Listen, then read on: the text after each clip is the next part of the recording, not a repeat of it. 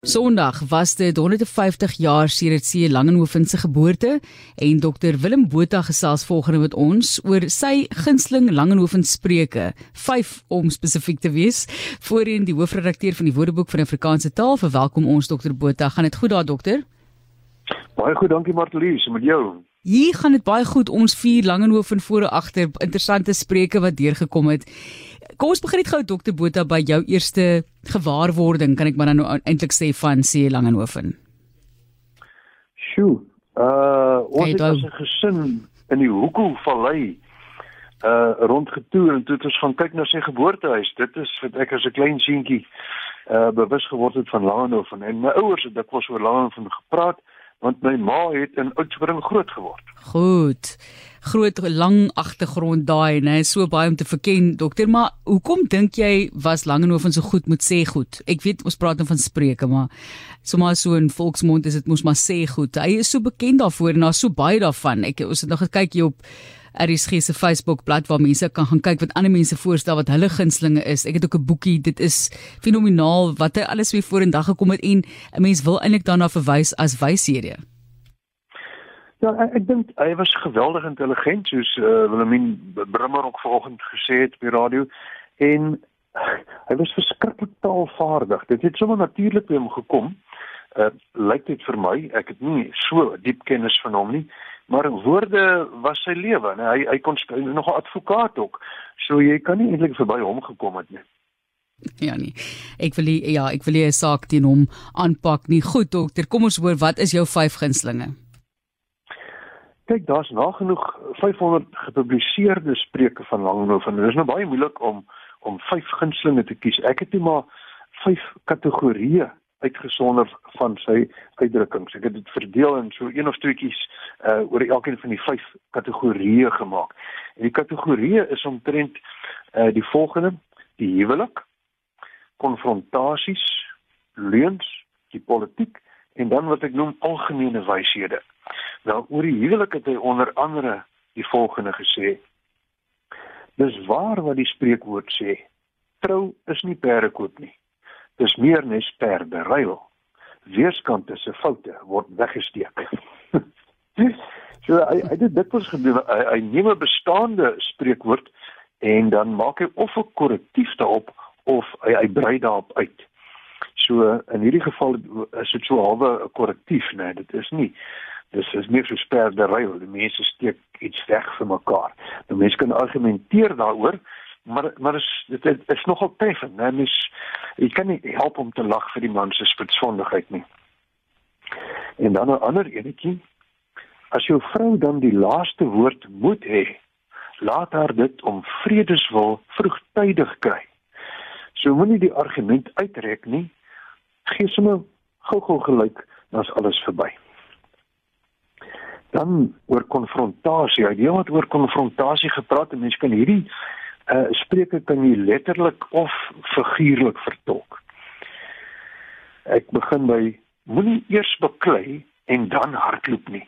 Hardloop eers solank jy nog vars en heel is. Nou dit dit pas pragtig um vir 'n fisieke konfrontasie, maar dit pas ook net so pragtig um vir 'n figuurlike konfrontasie. As jy sien jy het nie 'n baie sterk saak, jy moenie te lank aanhou beklei nie tree uit die argument terwyl jy dit nog met eer kan doen.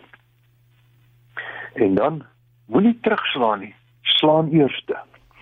Uh dit kom neer op aanval is die beste verdediging. Ek kry die eerste hou in. En dan 'n uh, mooi juweeltjie, moenie aan 'n man se rou plekkies raak nie. Dalk weet hy waar joune is. nou ons het almal sulke baie gevoelige saakies in ons lewe, né? So moet nou nie as jy uitvind wat die ander man se gevoelige saak is daarop hamer nie. Hy weet dalk wat jou teerplekkie is. Jou swakheidjie. Dan 'n skimp kan seerder maak as 'n skop. Nou 'n skimp is 'n subtiele belediging of 'n beskuldiging en dit is baie keer erger as 'n sommer 'n tromp op beskuldiging of 'n hou, né? Laaste enetjie van die konfrontasie kategorie. Daar's honde wat maar net hoef te knor. Dit is die wat reeds tevore gewys het dat hulle kan byt. Nou as jy reeds bewys het dat jy nie bang is vir konfrontasie nie, dan is die mense versigtig vir jou. Jy kan net so liggies dreig en dis genoeg. Jy hoef nie vreeslik krag te maak nie. Hulle weet jy het krag. Jy kan redeneer en jy staan nie terug vir enigiemand in 'n konfrontasie nie. Jy kan maar kommentaar lewer as jy wil. Nee, ek sit uh, ek sit so heerlik vir jou en luister en dit is so ek het okay. net maar oor die idee dat jy kategorie gebruik het. Leuns. Goed. Om doeltreffend te lieg. Moenie die waarheid heeltemal omdraai nie. Hou hom skuins. Met ander woorde, daar moet so 'n sweempie van die waarheid wees. Dit maak dit meer geloofwaardig. Moenie nou sommer net pront lieg nie. En dan rek die waarheid en jy doen hom tekort. So moenie meer maak van die waarheid as wat dit is nie. Moenie oordryf nie.